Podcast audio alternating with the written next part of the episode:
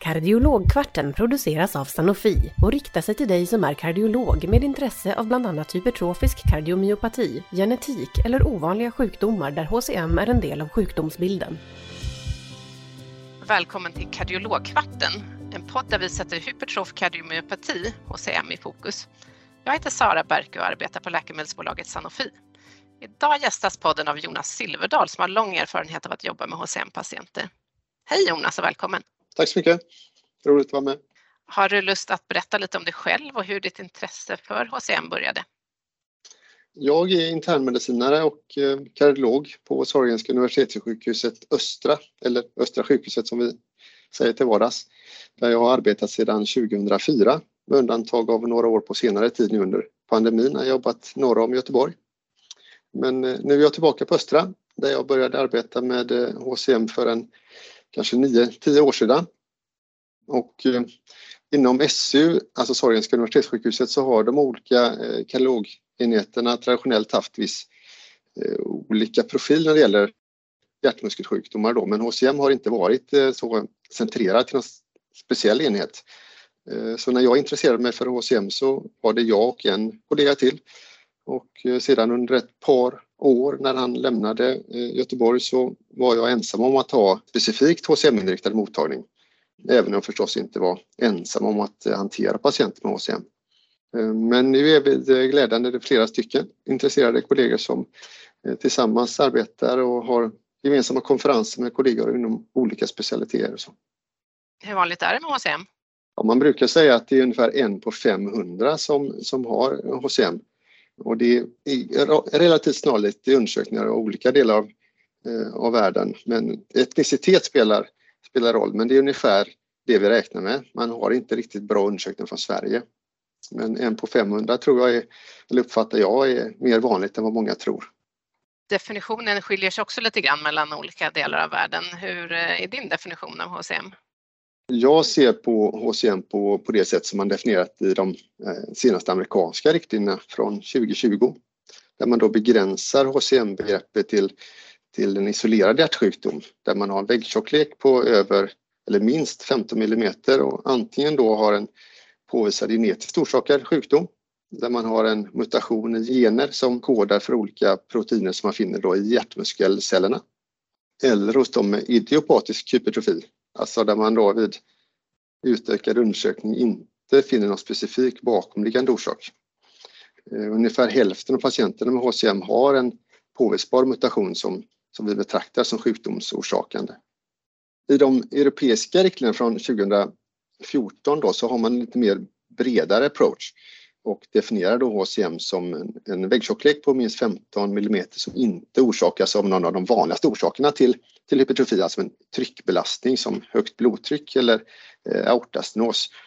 Och det tycker jag är ett rätt praktiskt inriktat dokument som utgår från när man hittar en onormal väggförtjockning och ger ganska bra råd kring, kring möjliga olika orsaker och eh, utredning.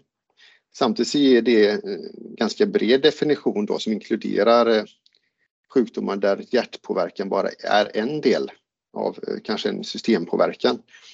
Eh, och då blir det ett ganska svårhanterat begrepp. Och eh, möjligtvis med undantag av amyloidos hos äldre patienter som utgör ändå de här andra orsakerna till vänsterkammarhypertrofi en ganska liten del av hela patientgruppen. Så vad är det som gör att en patient hamnar hos dig för utredning och vad brukar ni göra för undersökningar för att kunna ställa diagnos? Ja, när de väl kommer till oss för bedömning av just HCM så är det oftast för att man redan har påvisat en, en vänsterkammarhypertrofi där man inte riktigt har en tydlig förklaring. Och ibland är det efter utredning av symptom. Vanliga symptom vid HCM är andfåddhet eller hjärtklappning, bröstsmärta, ansträngningsutlösta eh, symptom. Eh, men ibland eh, så kan det också vara att man har hittat förändringar på ett EKG eller kanske hört blåsljud vid en undersökning, en hälsokontroll eller inför en operation.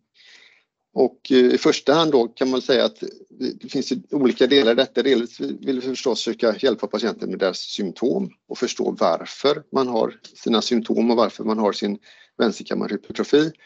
Eh, men vi vill också vid när vi landar i, diagnosen HCM eh, också värdera risk för plötslig död och möjlig ärftlig sjukdom, någonting som många läkare inte är så vana vid. De undersökningar som vi sedan gör för att ställa diagnoser... ett flertal beror lite grann på vilken typ av hjärtmuskelstörning eller var hypertrofin sitter. Eh, många gånger kan man säga att man får inleda med ganska brett förhållningssätt eh, för att försöka finna eh, tecken till de här mer ovanliga sjukdomarna. Då. Men oftast räcker samtal, kroppsundersökning och relativt enkla blodprover för att man ska komma rätt långt på vägen. Ultraljudsundersökningen är ju annars en, en grundsten i utredningen som kan påvisa vänsterkammarhypertrofi, kan påvisa det vi kallar för utflödesobstruktion. När man har förändring i mitralklaffen som medför att hjärtat inte riktigt kan tömma sig då. Det är ett tillstånd som medför symptom och försämrad prognos och föreligger hos kanske en tredjedel av patienterna i vila och hos ytterligare en tredjedel kan man provocera fram det. Ytterligare undersökningar som vi kan göra är magnetkameraundersökning. Det är inte nödvändigt för att ställa diagnosen eh, men det är rekommenderat att man gör, genomför en magnetkameraundersökning om ultraljudsundersökningen är av låg kvalitet. Magnetkameraundersökning har också många fördelar att man får mer information om vävnaden eh, och kan då hitta stöd för andra sjukdomar. Och rekommenderas överlag om man har fördelningar kring till exempel amyloidos eller Fabris sjukdom. Även om just vid amyloidos så, så har nya riktlinjer föreslagit andra undersökningar i första hand och Fabris sjukdom och andra genetiska sjukdomar kan man ju också undersöka via genetisk utredning som vi ofta också gör. De här eh, europeiska riktlinjerna som du nämnde tidigare, de börjar ju få några år på nacken. Är det något du saknar dem som kunde vara mer utförligt? Ja, kanske inte saknar, men, men eh, gällande värdering av risk för plötslig död så skiljer sig de europeiska och amerikanska riktlinjerna åt eh, just för att ny, ny kunskap har tillkommit eh, sedan de europeiska kom 2014. Eh, de amerikanska riktlinjerna lyfter till exempel fram då fibros, fibrosgrad i vänsterkammaren och apikala aneurysma som en slags liten utvidgning då som riskfaktorer för plötslig död. Och jag tror då att magnetkameraundersökning kommer att lyftas fram i de kommande europeiska eh, riktlinjerna. Riktlinjerna rekommenderar också genetisk testning och rådgivning vid HSM. Kan du berätta mer om det? Ja, Många läkare, inklusive kardiologer, arbetar inte så ofta med märkliga sjukdomar. Men det är just viktigt att komma ihåg att, att många patienter har ju en påvisbar genetisk orsak, ungefärligen hälften. Eh, och vid just HCM, utifrån den definition som jag tidigare lutade mig på, så spelar i dagsläget inte påvisad mutation någon, någon roll för den enskilde patienten, för behandlingen baseras inte på, på mutation. Men genetisk testning rekommenderas då för att möjliggöra en bred screening av, av familjen. För att kunna hitta anhöriga med förhöjd risk eh, även hos de som kanske inte har eller ännu inte har eh, symptom. Därtill så rekommenderas det också testning då när man har misstankar om annan genetisk eh, orsak.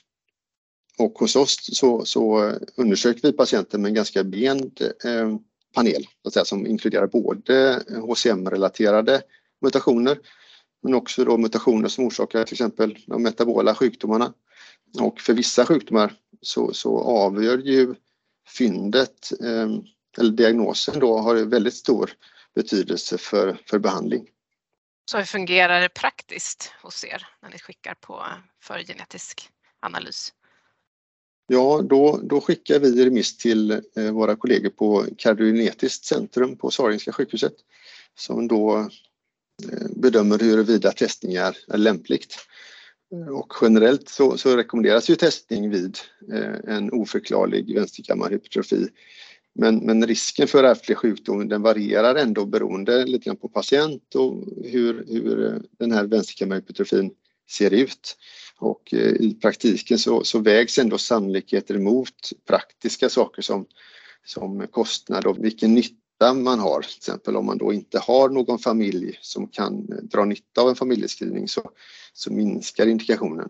Men jag tycker överlag då att man, man kan gott och väl skicka en remiss och så låter man kollegorna som arbetar med detta till vardags vara de som, som tar beslut om man ska genomföra undersökningen eller inte. Då.